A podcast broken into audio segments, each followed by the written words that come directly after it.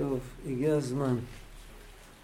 ויקח לו למך שתי נשים, שם האחת עדה ושם השני צילה, ותלד עדה את יבל, היה אבי יושב אוהל ומקנה. הוא ייצר. הוא ייצר בשר, אבל אז לא אכלו בשר עוד. אבל הוא ייצר צמר, הוא ייצר חלב, ייצר גבינה, הוא היה... שם אחיו יובל, הוא היה אבי כל תופס כינור ועוגב. זה כבר הבן אדם שמרגיש שרק רק אוכל זה לא הכל, חסר לו משהו, אז הוא הולך למוזיקה. נדבר על זה עוד מעט יותר. אצילה גם היא ילדה את טוב על קין, לוטש כל חורש נחושת וברזל. הוא לא, הוא לא מייצר לא מוזיקה ולא מזון, הוא מייצר את הייצור. הוא מייצר את כלי העבודה. הוא מאפשר, הוא מאפשר את, ה, את האפשרויות של, של שני, שני האחרים, האחים החורגים שלו, האחים למחצה. הוא מספק להם את הכלים. ויש איזה... למה בני אדם ממציאים כלים ומחפשים להתקדם כל הזמן? מה... אצל בעלי חיים אחרים זה לא נמצא. החוקרים תולים את זה במבנה המוח. מבנה המוח של הבן אדם הוא שונה, אז בגלל זה הוא יכול לדבר, בגלל זה הוא סקרן. בעלי חיים אחרים לא מסתקרנים יותר מדי. יש להם את הסקרנות, שאת, את הטווח שלהם. האדם הוא סקרן והאדם הוא זוכר, האדם זוכר מה ש... חוץ מדברים שנוגעים ממש להישרדות שלו, הוא זוכר עוד הרבה דברים. למה יש את כל זה לאדם ואין את זה לבעלי חיים? בואו נגיד ככה, לתלות את זה במוח זה, זה לא נכון, כי המוח זה רק כלי, זה תוצאה. בגלל שיש לו את זה בנפש, לכן הוא קיבל מוח שיכול להלביש את זה, שיכול להכיל את זה. כמו שאומרים, יש לי יד ארוכה, אז קניתי בגד עם שרוול ארוך.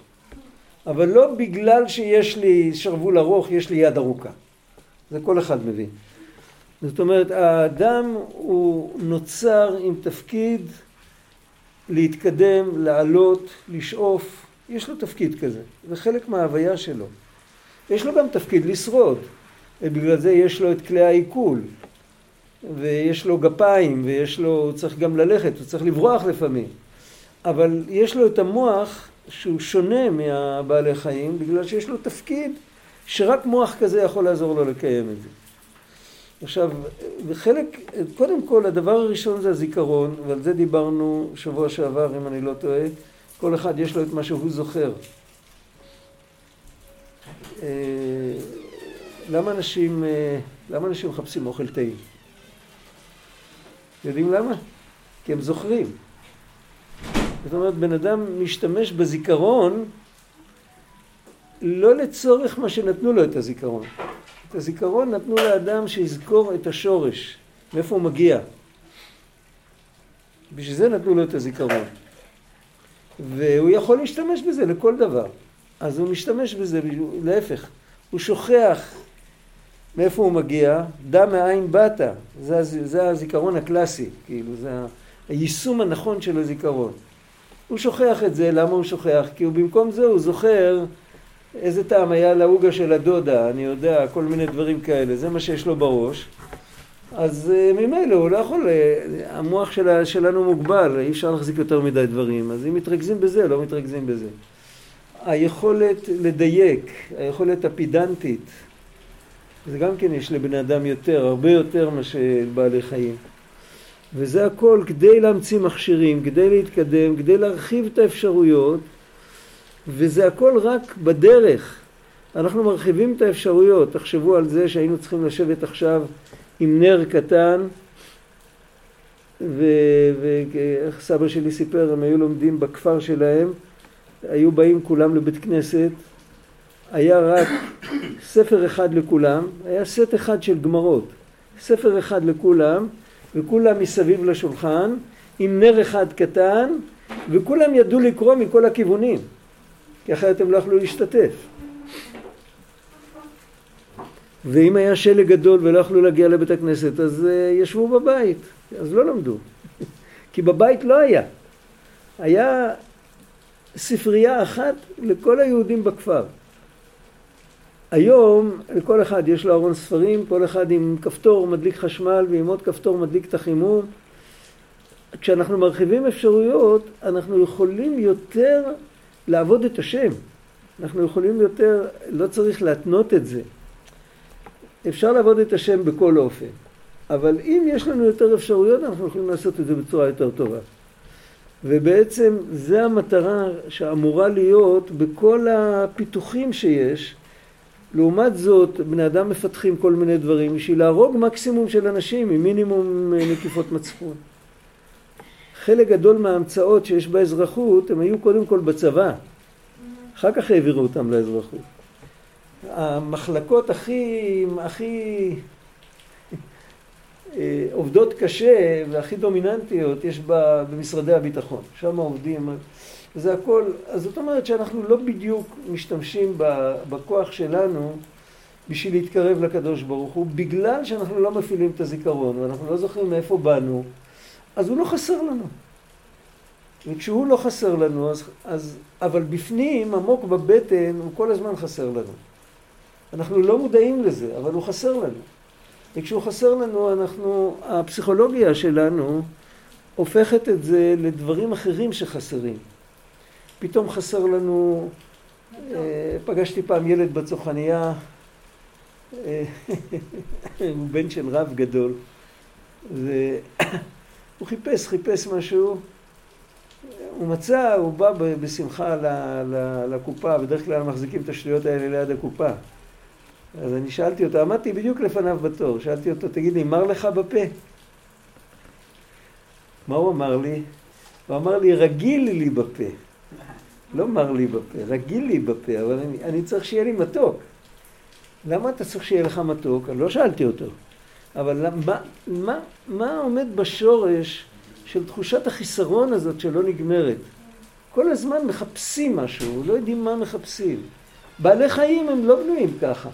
אפשר לתת לחתול את האוכל הכי טעים, ברגע שהוא שבע, הוא אפילו לא מנסה להחביא את זה באיזה מקום. הוא פשוט נעלם, שאחרים יאכלו את זה, לא אכפת לו. ואנחנו כל הזמן דואגים, כל הזמן. אולי מחר לא יהיה, ואולי יש בטבע, יש בעלי חיים שחייבים לדאוג למחר. הם חיים בשלג וזה, אבל מי שלא, מי שלא באמת חייב לדאוג, לא דואג. הבן אדם כל הזמן דואג וכל הזמן חסר לו. התשובה היא, בגלל שעמוק בפנים, יש לו איזה פוטנציאל של חלק אלוקה. אפילו אם הוא לא, אז זה יכול להיות אם הוא ירצה. יש לו איזה נקודה שם, והנקודה הזאת חסר לה באמת משהו אמיתי. איך שזה מגיע, זה עובר דרך כל כך הרבה צנזורות. הרי זה סטלינסקי צנזורה, זה, זה לא סתם. זה, אסור, איך כתוב ביחזקאל, הסקי, לא להזכיר בשם השם. הוא מתאר דו-שיח של אנשים בעתיד, ואחד ירצה להגיד משהו, אז הוא יגיד לו, אה, אתה רוצה להגיד אלוקים? אסור, אסור להגיד אלוקים. יש לנו, בתרבות שלנו, יש מין דבר כזה, שיבוא לבן בן אדם יבוא ויגיד, אני לא יודע מה חסר לי, יגידו לו, חסר לך האלוקים, אה, תפסיק להטיף. אל תהיה מיסיונר, תעזוב אותי. אבל זה האמת. האמת שזה מה שחסר לנו, ובגלל זה, קודם כל אנחנו פונים לייצור של מזון ולדברים כאלה, ייצור של בגדים. זה הבן הראשון משלושת הבנים שדיברנו עליהם. הוא, הוא מגדל צאן, הוא מגדל צאן, הם, הם, הם הפריג'ידר שלו, כאילו. בתוך הצאן הוא יכול לשמור על חלבון, על צמר, על הרבה דברים. אחר כך מגיע השני, הוא כבר, יש לו כבר את הכל, אח שלו כבר נתן לו. יש כבר לכולם את כל האוכל ועדיין חסר להם. אז הולכים למוזיקה. והמוזיקה באמת מרגיעה, כי היא רוחנית. עם מוזיקה אפשר, אבל גם דבר כזה עדיין יכול להסתיר על האמת. אני סיפרתי פעם סיפור, יש לזה יש לזה הרבה הקבלות גם במקורות, אבל זה סיפור אמיתי, סיפור שהיה אצל האדמו"ר השני של חב"ד, היה בנו של בעל התניא. היה היה לו בית, ובחצר של הבית היה לו מבנה קטן שבו היה יושב לבד הרבה פעמים. ובדרך, כאילו ללכת מהבית שלו לחדר הזה, הוא היה צריך לעבור את החצר, ובחצר הסתובבו כל מיני אנשים. פעם הוא עבר בחצר, זה היה חודש תשרי, זה היה בין יום כיפור לסוכות, והוא ראה מרחוק, באחד הפינות של החצר עומדים קהל רב, ושולחן באמצע, ועל השולחן כיסא, ועל הכיסא יושב מישהו ומדבר בקול רם וכולם מקשיבים לו. ואז היה לידו הבן שלו. אז הוא אמר לו, איך אומרים, מחילה, תיגש לשם, תקשיב מה מדברים שם, תספר לי. אז הוא בא אליו בהתפעלות, חוזר בהתפעלות גדולה, הוא אומר, אתה יודע מה, כל מה שאתה דיברת מערב ראש השנה עד מוצאי יום כיפור, כולל שבת תשובה, כל אותם פעמים שנפגשת עם כולם ואמרת דברי תורה, אז uh, הוא חוזר עכשיו על הכל מההתחלה ועד הסוף, כזה זיכרון יש לו, וכולם מאוד נהנים. מה הוא אמר לו? הוא אמר לו, תיגש אליו, תגיד לו באוזן, שלא ישכח אודות מי הוא מדבר, שהוא מדבר אודות הקדוש ברוך הוא. מה זה הדבר הזה? הבן אדם מתחיל לדבר על מדרגות ועל ספירות ועל כל מיני תובנות ועל כל מיני דברים, אז הוא יכול לשכוח, יש לו הרבה אוצרות, וטוב לו עם זה, אבל הוא יכול לשכוח את הפואנטה, יכול לשכוח את הנקודה עצמה, את הנקודה הזאת, שאם יהיה לו אותה, יהיה לו טוב גם מתי שלא יהיה לו אוצרות, מתי שיגור בתוך מרתף. עכשיו יש לו טוב, אבל זה טוב עם התניה. כל זמן שאני ברמה הזאת, אז טוב לי. יש לי זיכרון, יש לי שכל, יש לי זה, מה יהיה חס וחלילה? קחו לי את השכל, קחו לי את הדיבור, קחו, אני לא יודע מה, כל אחד אה, יכול לעבור עליו מה שקורה לו, אז הוא יהיה בשאול תחתית, כל האוצרות לא יעזרו לו. יש סיפור כזה בסיפורי מעשיות, שמדינה שיש להם הרבה אוצרות והבטלר החירש אומר להם אה, בואו בוא נלך ביחד, נעשה טיול, נעזור למישהו. וברגע שהם התקרבו לשם, כל האוצרות היו פסה, לא עזרו להם, הכל התקלקל, הכל זה, אמר להם, תראו מה... זה כאילו, האוצרות הם טובים, אבל האוצר הוא טוב אם אני שומר אותו בגלל שאלוקים נתן לי לשמור עליו. לא אם אני שומר אותו כדי שאני אהיה יותר גדול. זה, יש איזה ערך אחר. ואם אני שומר על זה בגלל שאלוקים נתן לי לשמור עליו, אז אם לוקחים ממני את האוצר, נותנים לי במקום זה שק עם קומפוסט, אז אני שומר על זה. מה זה אכפת לי? העיקר אני עושה... אני נבראתי לשמש את קוני. והמוזיקה יכולה להיות, זה חרב פיפיות, זה כאילו, יש בזה בחירה. מוזיקה יכולה לא לקרב אדם לקדוש ברוך הוא, מוזיקה יכולה להרחיק את האדם לקדוש ברוך הוא. אם הוא הופך את המוזיקה למשאת חייו, וכאילו הכל, אז הוא יכול להיות רשע גדול ולעשות מוזיקה, ומוזיקה נפלאה, וככל שייכנסו יותר למוזיקה הזאת, יותר ישכחו את השם. אבל המוזיקה תהיה תחליף של האלוקים. אז זה היה השני. השלישי מייצר את אמצעי הייצור. הוא בסכנה הכי גדולה של כוחי ועוצם ידי. כי הראשון מגדל כבשים, הוא לא יכול באמת לגדל אותם, הוא רק יכול לשמור עליהם. השני מבטא כישרון, הוא לא יוצר את הכישרון, הוא סך הכל מבטא כישרון. השלישי, הוא מייצר דברים. הוא, הוא נכנס לתוך העולם הטכני, וכל הזמן, האמת שגם זה, מי שמכיר את זה, בן אדם שיודע להמציא, אז נופלים לו אסימונים כאלה, הוא כל פעם ממציא, כל בעל מקצוע, כל מוסכניק, כל מסגר, יש לו כל מיני פטנטים קטנים שרק הוא יודע אותם. למישהו אחר יש גם פטנטים אחרים. אבל זה כאילו, יש מרכז כזה במוח, ש, שהוא אחראי על, ה, על המוטוריקה. ושם גם יש חוכמה בתוך המרכז הזה. ולמעשה את החוכמה הזאת אנחנו מקבלים מלמעלה. אם בן אדם, הרבה פעמים קורה שבן אדם תוך כדי עבודה, זה קורה כשבונים, כשנוטעים, תוך כדי עבודה, ולא ממש תוך כדי עבודה, אלא בהפסקות האוכל. מתי שרגע אחד מרפים מהעבודה, אז פתאום מקבלים את כל הרעיונות הטובים איך להמשיך. וכל זמן שלא התחילו זה לא מגיע. ואז רואים שזה לא, זה לא אנחנו. אנחנו נכנסנו לאיזה שביל כזה ששם אפשר למצוא כל מיני מציאות. אבל מי זרק לנו את כל הדברים שאנחנו מוצאים שם? זה בא מלמעלה, זה לא אנחנו. אבל אף על פי כן, הוא הכי קרוב לכוחי ועוצם ידי יותר מכל האחים שלו. ולכן הוא היה ראשון מייצרי הנשק. לוטש כל חרש נחושת וברזל, אז זה התחיל עם כלי עבודה, אבל בעיקרון זה הלך לנשק, זה הלך אחר כך ל... ל... ממש לכוחי ועוצם ידי. וכל זה היה כל מיני אפשרויות איך לברוח מהאמת. לקבל סיפוק ממשהו שזה לא השורש. הם הרי לא עבדו את השם בני קין. חז"ל מתארים את הכל שהם עבדו עבודה זרה.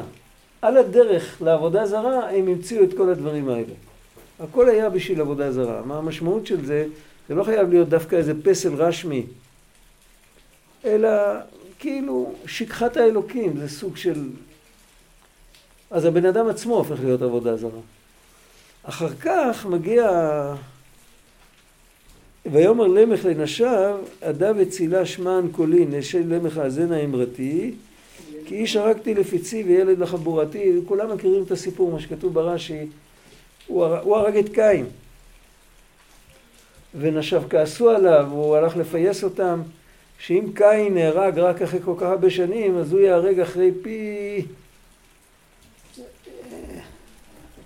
זה יוצא 77, זה פי 11. קין, קין נהרג אחרי שבע דורות. והוא, והוא ייהרג אחרי 77 דורות. כאילו, הוא יחיה עד אז. וכמובן שזה לא נכון, אבל יש כאן עוד פירוש, שדווקא פירוש מאוד פשוט. שהבן אדם כשהוא מזדקן, אחרי שהוא עובר את כל המסלול הזה עם כל התחליפים של החיים, התחליף של הייצור, והתחליף של המוזיקה, והתחליף של ה... של הייצור, כלי ייצור, הוא כאילו, זה יכול להיות מדינה שהופכת להיות מעצמה, כמו ארה"ב, או שזה יכול להיות בן אדם שהופך להיות באופן פרטי מעצמה כלכלית. לא חסר לו כלום. מגיע בסוף ימיו, הוא מרגיש שעדיין חסר לו כל מה שהיה חסר לו בהתחלה. הוא כל הזמן חיפש, הוא עדיין ממשיך לחפש. אה? לא הבנתי, מה אדם יכול לעשות שלא יהיה עבודה זרה? נכון, נכון, זהו. זה, הנקודה היא שהוא צריך קודם כל, הוא צריך לפתוח את הלב שלו ולדעת שמה שהוא מחפש, יש דבר אחד שכולם מחפשים. הפסיכולוג קורא לזה חסך אם. כן? לא החזיקו אותי מספיק על הידיים כשהייתי ילד קטן, אז כל הזמן חסר לי משהו. פסיכולוג בדרך כלל מסביר את זה לא מתי שאני מחפש כסף, מתי שאני מחפש אה, מריחואנה או LSD, אז, אז הוא נזכר להגיד שבעצם לא החזיק אותי מספיק על הידיים. אבל האמת שזה פסוק בתהילים, אם לא שיוויתי ודוממתי נפשי כי גמול עלי אמו. אני באמת לא החזיקו אותי מספיק על הידיים, לא בגלל שלא החזיקו אותי מספיק על הידיים, אלא בגלל שאני מסרב להכיר שגם עכשיו מחזיקים אותי על הידיים. יש את המשל שרש"י מביא ב... בשמות, ב... לא, ב... בשלח, ויבוא עמלק וילחם עם ישראל, רש"י אומר, מה כתוב לפני זה? היש השם בקרבנו עם עין. אז הוא מביא משל, בן אדם היה, הלך בדרך, מחזיק את הילד על הכתף, וכל מה שהילד מבקש הוא נותן לו, הוא מתכופף ומביא לו. בסוף מגיע מולם איזה מכיר, אדם אחר, ואז הילד, מה הכתף של האבא? הוא שואל את, ה, את החבר הזה שמגיע ממול, תגיד, ראית את אבא שלי? אז הוא אומר, יש השם בקרבנו עם עין? תנסו להסתדר לבד עם עמלק. אה, זאת אומרת, יש כאן שני שלבים. קודם כל להכיר שתחושת החיסרון זה הריחוק מהאלוקים. זה, זה, זה באמת מה שכואב לנו. אנחנו לא מודעים לזה, ואנחנו גם לא, לא רק שלא מודעים לזה, אלא שיש איזו צנזורה שלא נותנת לנו להיות מודעים לזה. אסור להיות דתי. מכירים את העבירה הזאת? להיות דתי זה לא... זה לא מכובד. זה לא... אז ממילא אסור להגיד שהחיסרון זה חיסרון האלוקים, זה, זה, זה רעיון דתי, כן? זה דבר אחד. דבר שני, להבין שזה לא נכון, זאת אומרת, באמת באמת אין לי חיסרון של קרבת אלוקים. רק בשביל זה צריך לעשות עבודה, בשביל להרגיש קרבת אלוקים צריך לעשות עבודה. כמו שיש, ניקח בן אדם לחברו. נגיד בן אדם, ניקח בן אדם בשנות העמידה, נגיד, יהודי בן חמישים, שאשתו מאוד מאוד אוהבת אותו, אבל הוא כל כך מצוברח, והוא כל כך קשה בעבודה, וכל כך אין לו זמן, וכל כך תסכולים, וכל כך זה, שהוא בא הביתה והוא אומר ערב טוב, והיא אומרת לו ערב טוב בגלל שהיא צרודה או בגלל שאני לא יודע מה, לא יודע, יש קול כזה. והוא מהערב טוב שהיא עונה לו, הוא, הוא חיכה לשער ירוק עם פרחים. לא פיזית, אבל כאילו איזה מין... אבל מי יודע איזה תסכולים היא עברה במשך כל היום. עכשיו, אם יתפסו את שניהם, כל אחד על אחד, ויעשו להם את האנליזה הנכונה, הפסיכולוגית, אז הם יראו שהם אוהבים אחד את השני כמו שהם היו, כמו ביום הראשון שהם נפגשו. רק יש על זה המון הסתרות.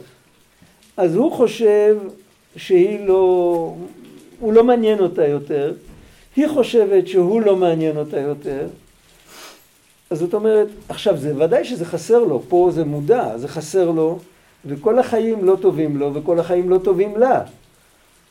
אבל אם הם היו יודעים שזה לא נכון, אז הכל היה מסתדר. בדרך כלל זה מסתבך. לא, לא רק שלא יודעים, חושבים שזה נכון, אז מה, מה מחפשים אז? אלכוהול, סיגריה, לא טבק. למה? כי אה, יש לי בעיות בבית. ככה אנשים מדברים. עכשיו, אם הוא היה יודע שהוא בעצם לא צריך את כל הדברים האלה, זה הכל זבל. הוא צריך שבבית הכל יהיה בסדר. והאמת שבבית הכל בסדר, גם הבעיות בבית זה רק דמיון. אם היה קולט את זה, אז הדברים האלה היו נופלים ממנו כמו, כמו שהאור מתקלף אחרי קביעה, כאילו, כן, לא, זה לא היה כואב אפילו. הוא לא היה צריך להתאפק. בעבודת השם זה בדיוק אותו דבר. קודם כל צריך להכיר בעובדה שמה שאכפת לי זה המסתיר פניו, כאילו, אה, איך אנחנו אומרים? אה, הדור נאה זיו העולם, נפשי חולת אהבתך, אנא אל נא רפנה לה, בהראות לה נועם זיווך. אתה תרפא את הנפש שלי אם אתה תראה את עצמך. כל זמן שאני לא רואה אותך, אני חולה. אז קודם כל, מה שיש, מה שהפייטן הזה עשה, הוא שם לנו את האצבע על הדבר האמיתי. זה מה שחסר לך. אתה חושב שחסר לך וילה? אתה חושב שחסר לך מיליון, או עשר מיליון? לא זה מה שחסר לך. מה שחסר לך זה האר פניך. זה חסר. עכשיו, אם נלך הלאה, ניכנס יותר לעומק, אז נראה שגם זה לא חסר. זה מה שרבי נחמן תמיד היה אומר לאנשים, השם לידך, איפה אתה מחפש אותו? הוא פה, הוא לא במקום אחר. זה שני שלבים. השלב הראשון צריך לדעת לב... ל... לפרש נכון את הרגשת החסר. השלב השני לדעת שבעצם אין חיסרון. רק מה כן יכול להיות? יכול להיות, זה מה שאמר הרבי מקוצק, הוא אמר פעם, כרחוק מזרח ממערב הרחיק ממנו את פשענו, זה פסוק בתהילים. כמה רחוק ממזרח למערב? אז הוא אמר סיבוב אחד קטן. הוא עשה ככה. אחד עומד עם הפנים לפה, אחד עומד עם הפנים לפה. אם הם ילכו עם הפנים, אז מפריד ביניהם כל כדור הארץ. 40 אלף קילומטר.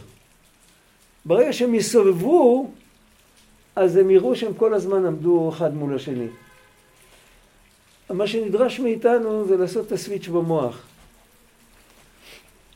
הסוויץ' במוח זה הסוויץ' הראשון במוח זה להגיד תודה. זה, זה מתחיל גם, זה חוזר לזיכרון, זה הכל אותו עניין.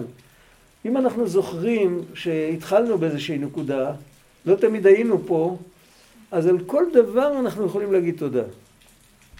ממש על כל דבר. יש לי שערות בראש. חברים שלי כבר אין להם. תודה. אני יכול ללכת. אני יכול להגיע לרצפה. השתבח שמו. לא צריך להיות, להגיד תודה רק אם אני רץ אולימפי. אני לא רץ אולימפי, בקושי אני זז, אבל יש הרבה דברים שאני יכול לעשות, זה לא מובן מאליו. ו- וכל אחד יכול למצוא בעצמו את כל הנקודות הפשוטות האלה, הפשוטות של החיים, שזה הכל, זה נטו קרבת אלוקים, זה מאה אחוז אלוקי, כי לבד לא היינו מגיעים לכלום. יש לנו שאיפות, השאיפות שלנו זה שני דברים בעצם, השאיפה שלנו זה קודם כל זה להכיר את האלוקים כמה שאנחנו מסוגלים, ולגלות אותו לאנשים שלא מכירים אותו. זה מופיע בהמשך, זה אברהם אבינו. זה מופיע בהמשך. כאן אנחנו עדיין לפני שהבן אדם גילה מה חסר לו. ולפני שהוא גילה מה חסר לו, אז הוא מחפש את הכבשים ואת המוזיקה. לא שמוזיקה זה רע, אבל עם המוזיקה הוא נתקע, זה כאילו... זה כמו אדם שחושב שחדר מדרגות זה הבית שלו.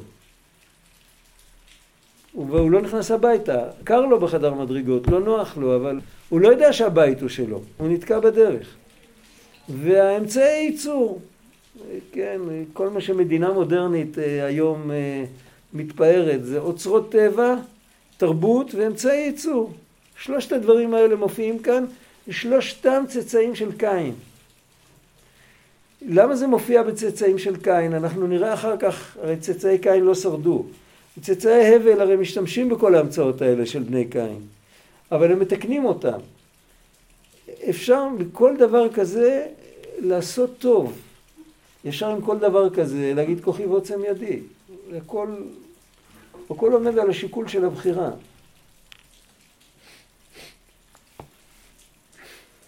אבל יש פירוש פשוט על אה, כי איש הרגתי לפיצי וילד לחבורתי, הפירוש הזה הוא כשבן אדם מתבגר, הוא רואה שהוא בנה חיים מזויפים לאורך הרבה הרבה שנים, והוא אומר, הרגתי את האיש, הרגתי את הילד, כאילו קטלתי את העבר.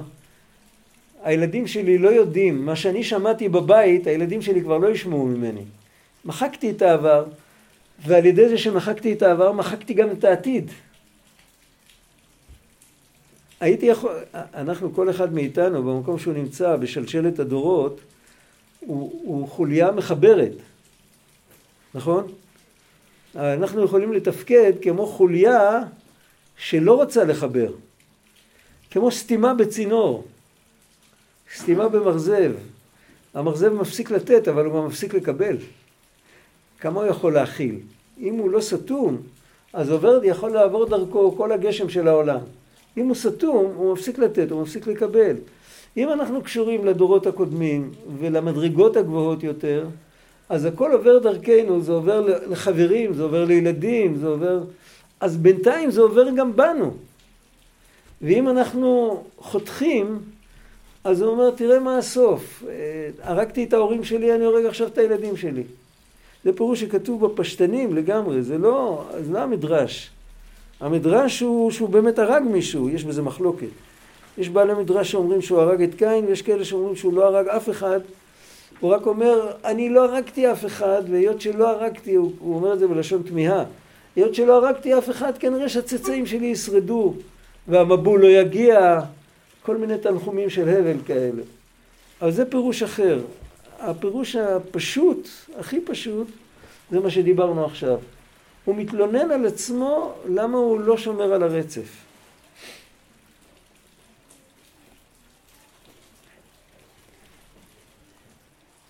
וזה אני לא זוכר, איך הם מסבירים את הפסוק הבא, הפשטנים האלה, אני כבר לא זוכר. זה מתאים רק למדרש, שבעתיים יוקם קין ולמח שבעים ושבעה, דיברנו על זה כבר קודם. עכשיו טוב, הבל איננו, קין מתנדנד, ובסוף לא נשאר ממנו כלום. אה, יש דעה, יש דעה שאחת מהבנות של קין שרדה, נעמה. אם יש לה שמות משמעות, אז יכול להיות שהיא באמת הייתה יוצאת מן הכלל בין כל, היה, אה, איך קראו לו? יבל, יובל וטובל קין. יבל, יובל וטובל קין, והיא הייתה נעמה. יכול להיות שבאמת הייתה נעימה והיא לא הלכה בדרך שלהם, אז יכול להיות בגללכן היא סבלה, היא שרדה. יש מדרש שאומר שהיא הייתה אשתו של נוח. אנחנו כבר מתקרבים לדור של נוח. לפי המדרש הזה, אנחנו גם הצאצאים של קין.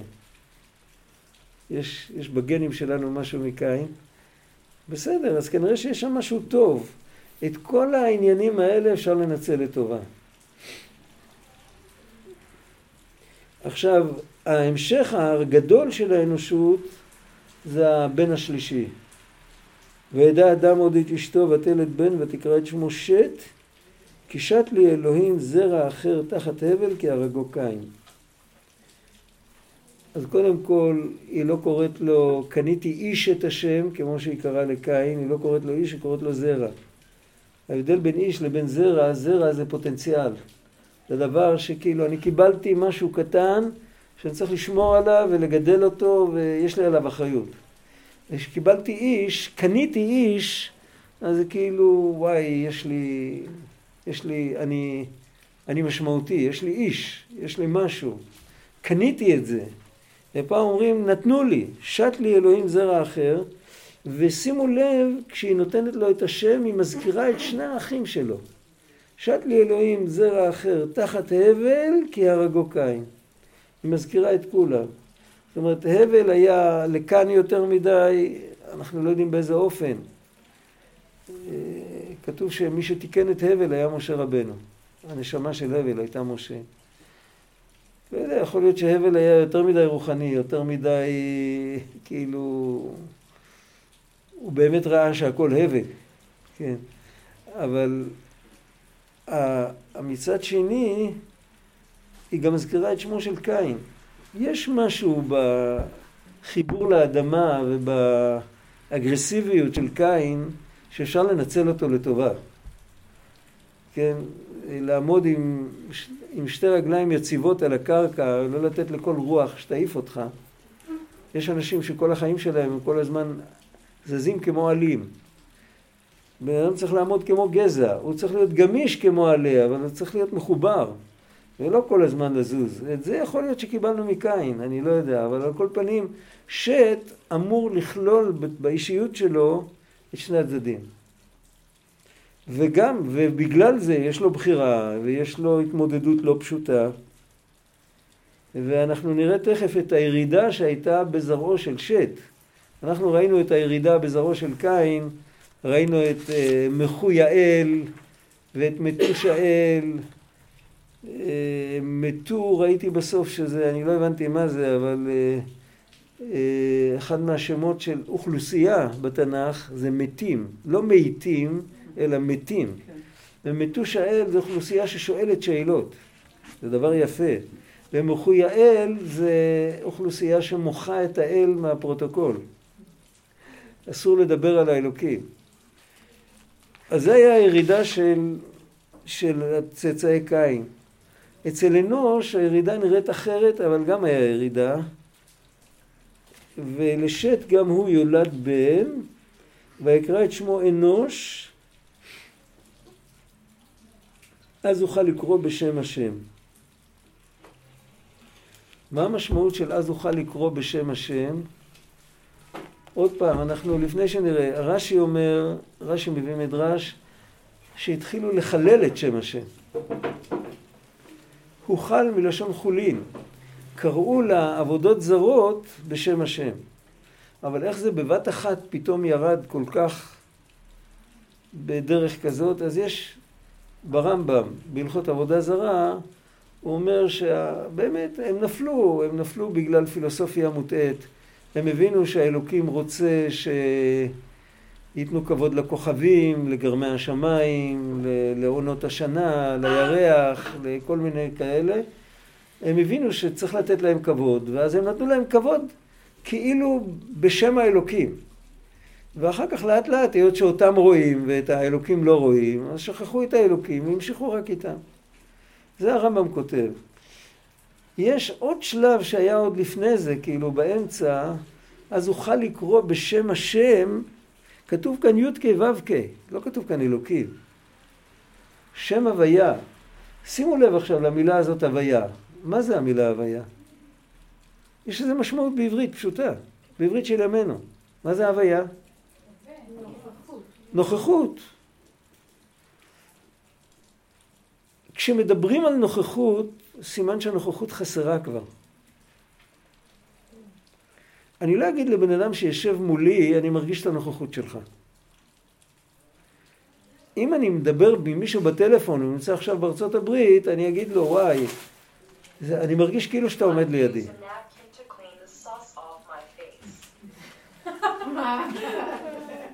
אוקיי.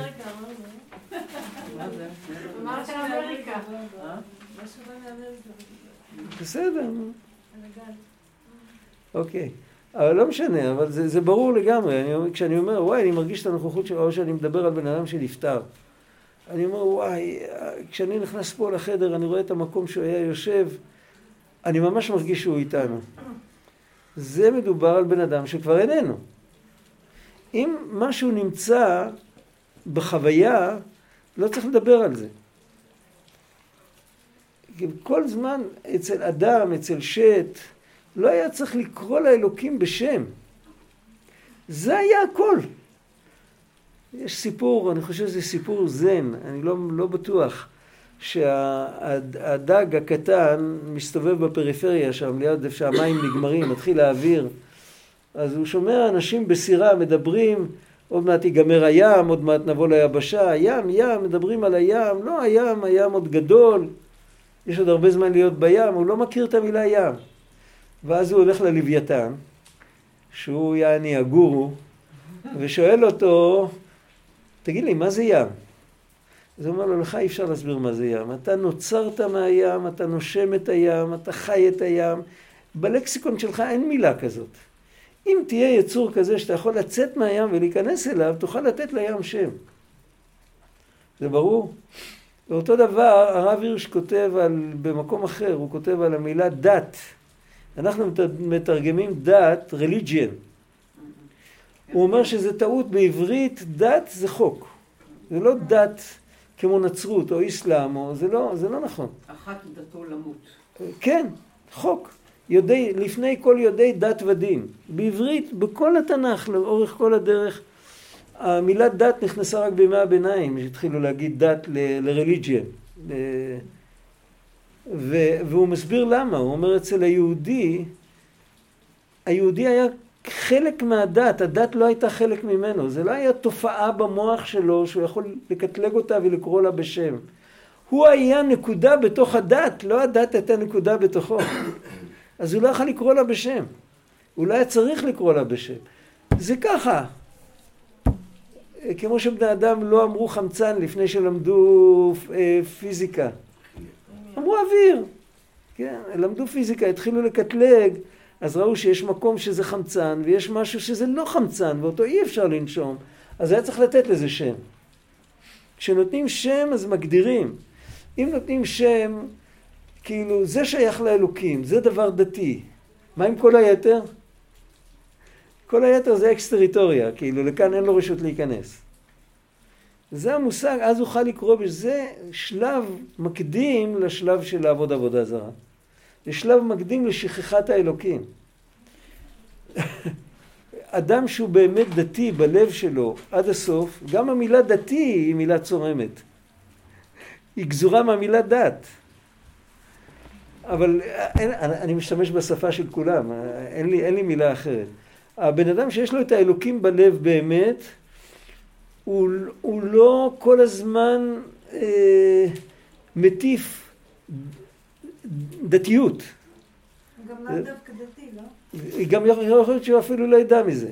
אבל הוא כן מחפש, הוא מחפש לעשות את הנכון, הוא מחפש לשמוע בקול השם, כי הוא מודע לזה שיש לו בחירה והוא יכול לחטוא, הוא יודע.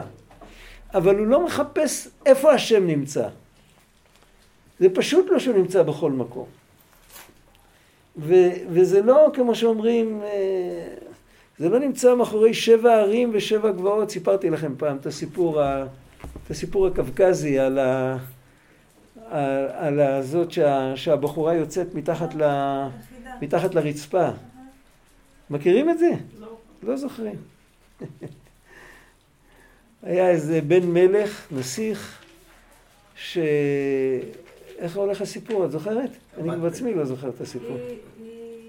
היא הייתה נותנת חידות, היא אמרה מי שימצא אותי או משהו כזה אני אתחתן איתו.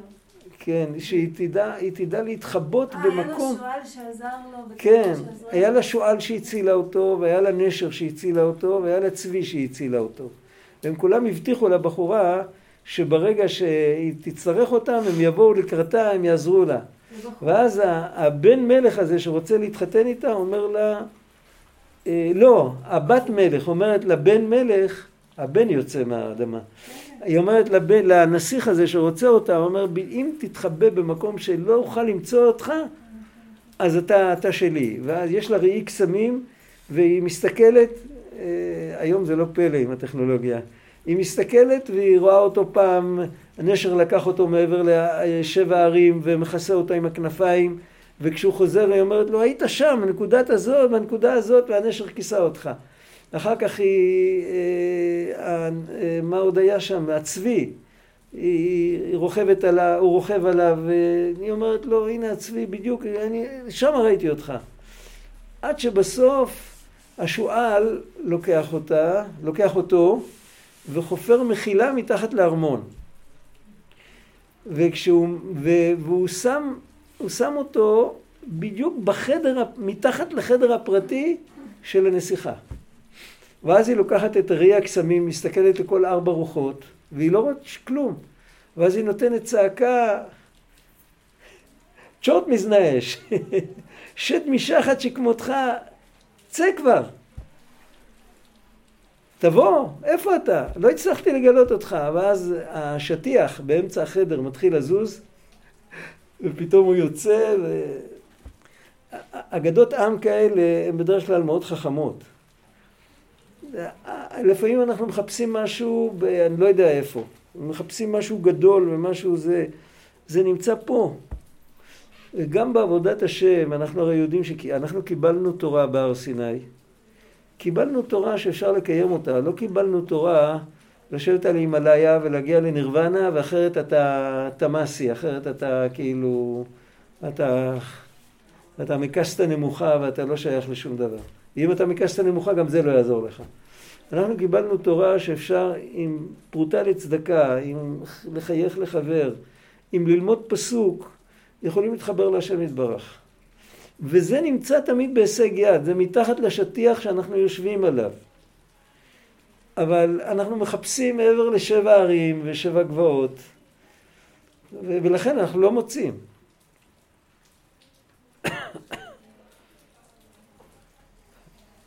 כשאוכל לקרוא בשם השם, התחיל הקלקול הזה. כאילו, התחילו להגיד, וואי, השם.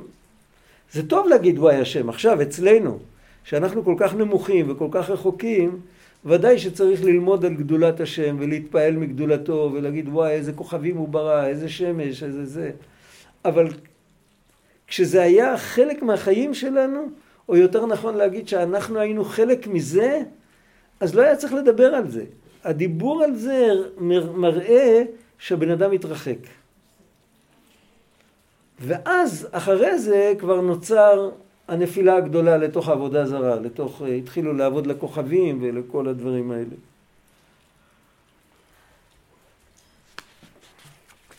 וזה לוקח כמה דורות עד שמגיע מישהו שקוראים לו חנוך, ויש, כן. איך זה קשור ל"עם דעת קנית מה חסרת"?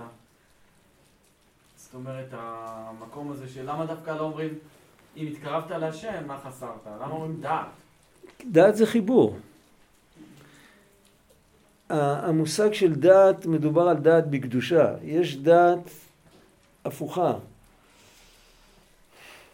בעץ הדעת כתוב עץ הדעת טוב ורע, אפשר עם הדעת להשתמש, זה לא אותו דעת.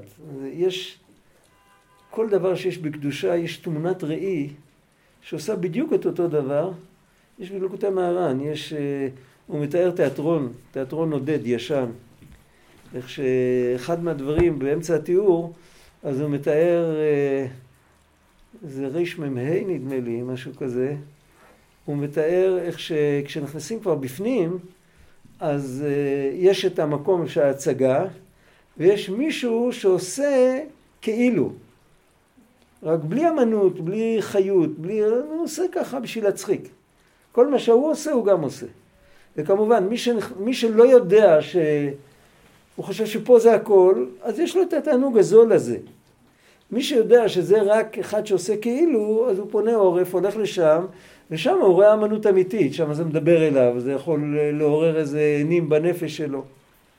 אז זה, המשל הזה, הוא, הוא כותב אותו על ללמוד תורה, שהרבה פעמים הבן אדם מסתפק באיזה משהו שטחי, שהוא נראה כמו דבר אמיתי, אבל זה לא. זה מה שהוא כותב שם.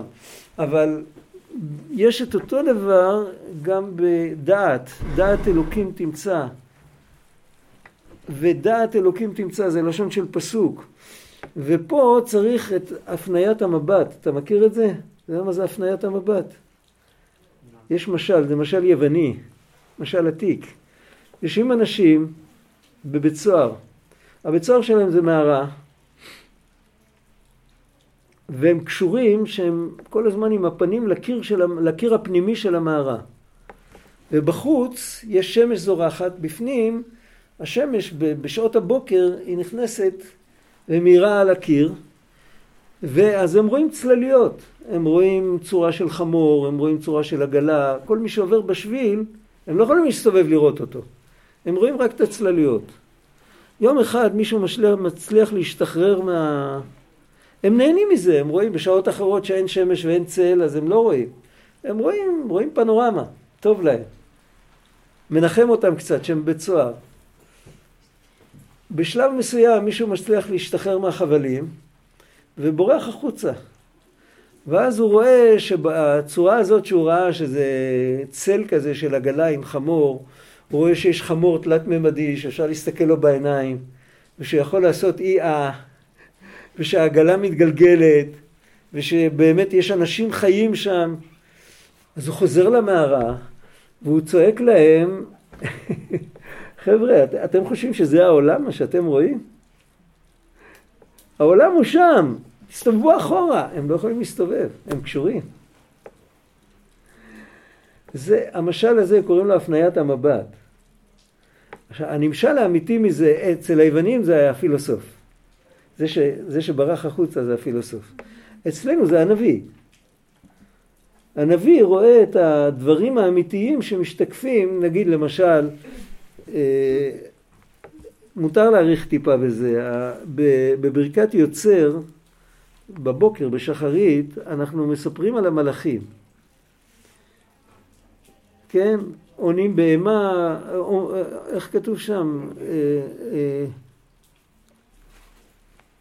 עונים בהמה ואומרים ביראה, קדוש וכל זה. למה צריך לספר לנו על המלאכים? מה זה מעניין אותנו? יש לנו נפש בעמית, הנפש הביולוגית שלנו, השורש האמיתי שלה זה מלאך.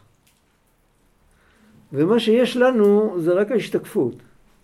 זו השתקפות יותר מוצלחת, זה לא כמו צל על הקיר, זה משהו חי, זה משהו תלת-ממדי וחי ובועט, אבל זה רק השתקפות.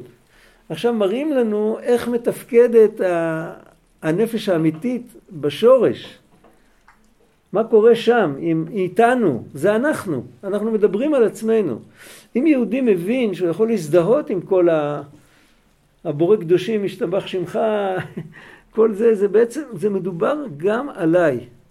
אני לא יודע בדיוק מאיזה מלאך, מאיזה מלאך נוצרתי, אבל זה אני. למרות שהמעשים שלי בכלל לא דומים למעשים של מלאך. זה לא משנה, כי אני לא מודע לזה. אבל זה כבר נותן הסתכלות אחרת. זה נותן הסתכלות יותר עמוקה. וכן הלאה, וכל הדברים. זה, מה זה? זה תרגיל בדעת.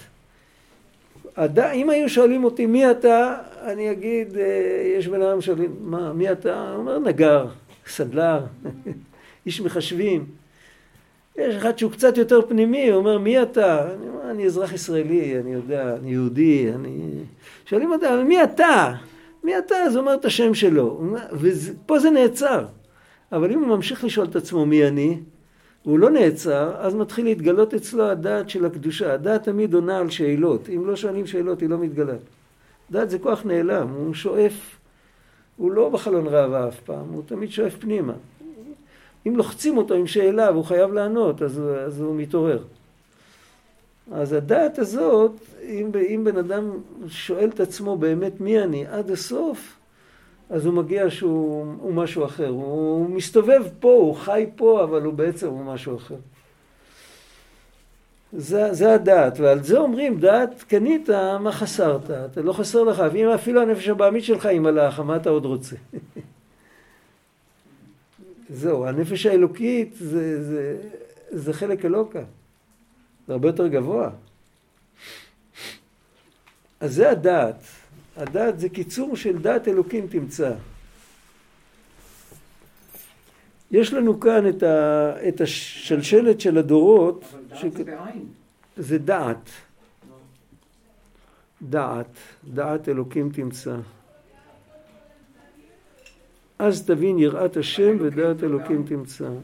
מה? אלוקים זה לא בעין. לא. אני לא יודע אם מתכוון לראשי תיבות. לא, לא. לא ראשי תיבות. אז תבין יראת השם, כתוב, אם תחפשנה ככסף, פה צריך כבר לחפש. כי להפעיל את הדעת זה לא כמו סתם אמונה פשוטה. אם תחפשנה ככסף ומטמונים תבקשנה, אז תבין יראת השם ודעת אלוקים תמצא. זה הפסוק.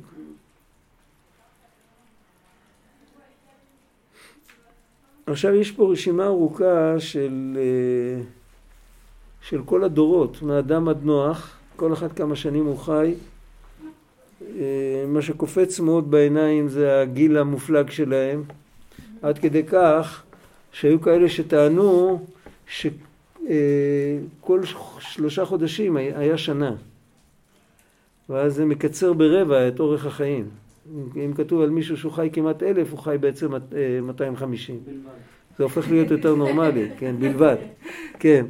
זה הופך להיות יותר, נכנס איכשהו לזה, אבל אה, יש הוכחות מתוך הפסוקים, אנחנו נלמד על המבול, יש הוכחות מתוך הפסוקים ששנה הייתה מורכבת משנה, ממחזור שלם של, מהיום הכי ארוך עד היום הכי ארוך, כמו היום. ו... וגם מ-12 מחזורי ירח וכל זה. הפירוש שכתוב ב...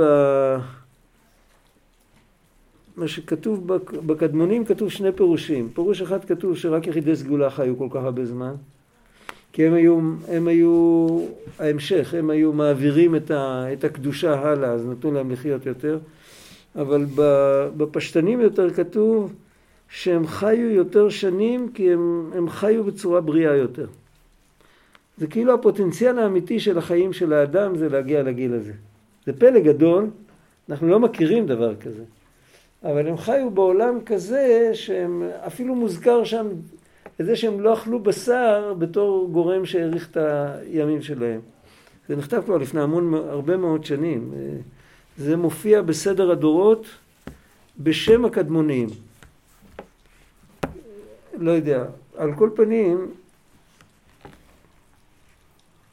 מה שכאן, אה, אחרי כל הירידות וכל ה... שכל הזמן הם שוכחים את השם, קם מישהו שקראו לו חנוך, שכשמו כן הוא, ועליו יש במדרשים, יש סיפור שהוא היה כמו אברהם אבינו מבחינה מסוימת, אבל לא לגמרי. הוא היה מלמד אנשים לזכור שיש אלוקים בעולם. רק לאט לאט הוא התחיל להיפרד מהם. פעם הוא היה מלמד אותם כל יום, אחר כך רק פעם בשבוע, פעמיים בשבוע, אחרי זה פעם בשבוע, אחרי זה פעם בחודש, אחרי זה פעם בחצי שנה. כל פעם הם היו, ועד שבסוף הוא כל כך אה, משך פנימה, שנשמתו עלתה למעלה והוא לא, הוא, הוא באמת, הוא לא חי. הוא לא חי הרבה זמן. גם לא כתוב שהוא מת, כתוב... ואיננו. כתוב ואיננו. ויתהלך חנוך את האלוהים אחרי הולידו את מתושלח שלוש מאות שנה ויהי כל ימי חנוך חמש ושישים שנה או שלוש מאות שנה ויתהלך חנוך את האלוהים ואיננו כי לקח אותו אלוהים. וזה בדיוק המספר של 365, זה המספר שיש ימים בשנה. בשנה. זה, זה, יש בו איזה רמז. טוב, אנחנו מתקרבים ל... למבול, זה כבר עוד פרשה, פרשה קשה. טוב, תודה רבה. השם יעזור.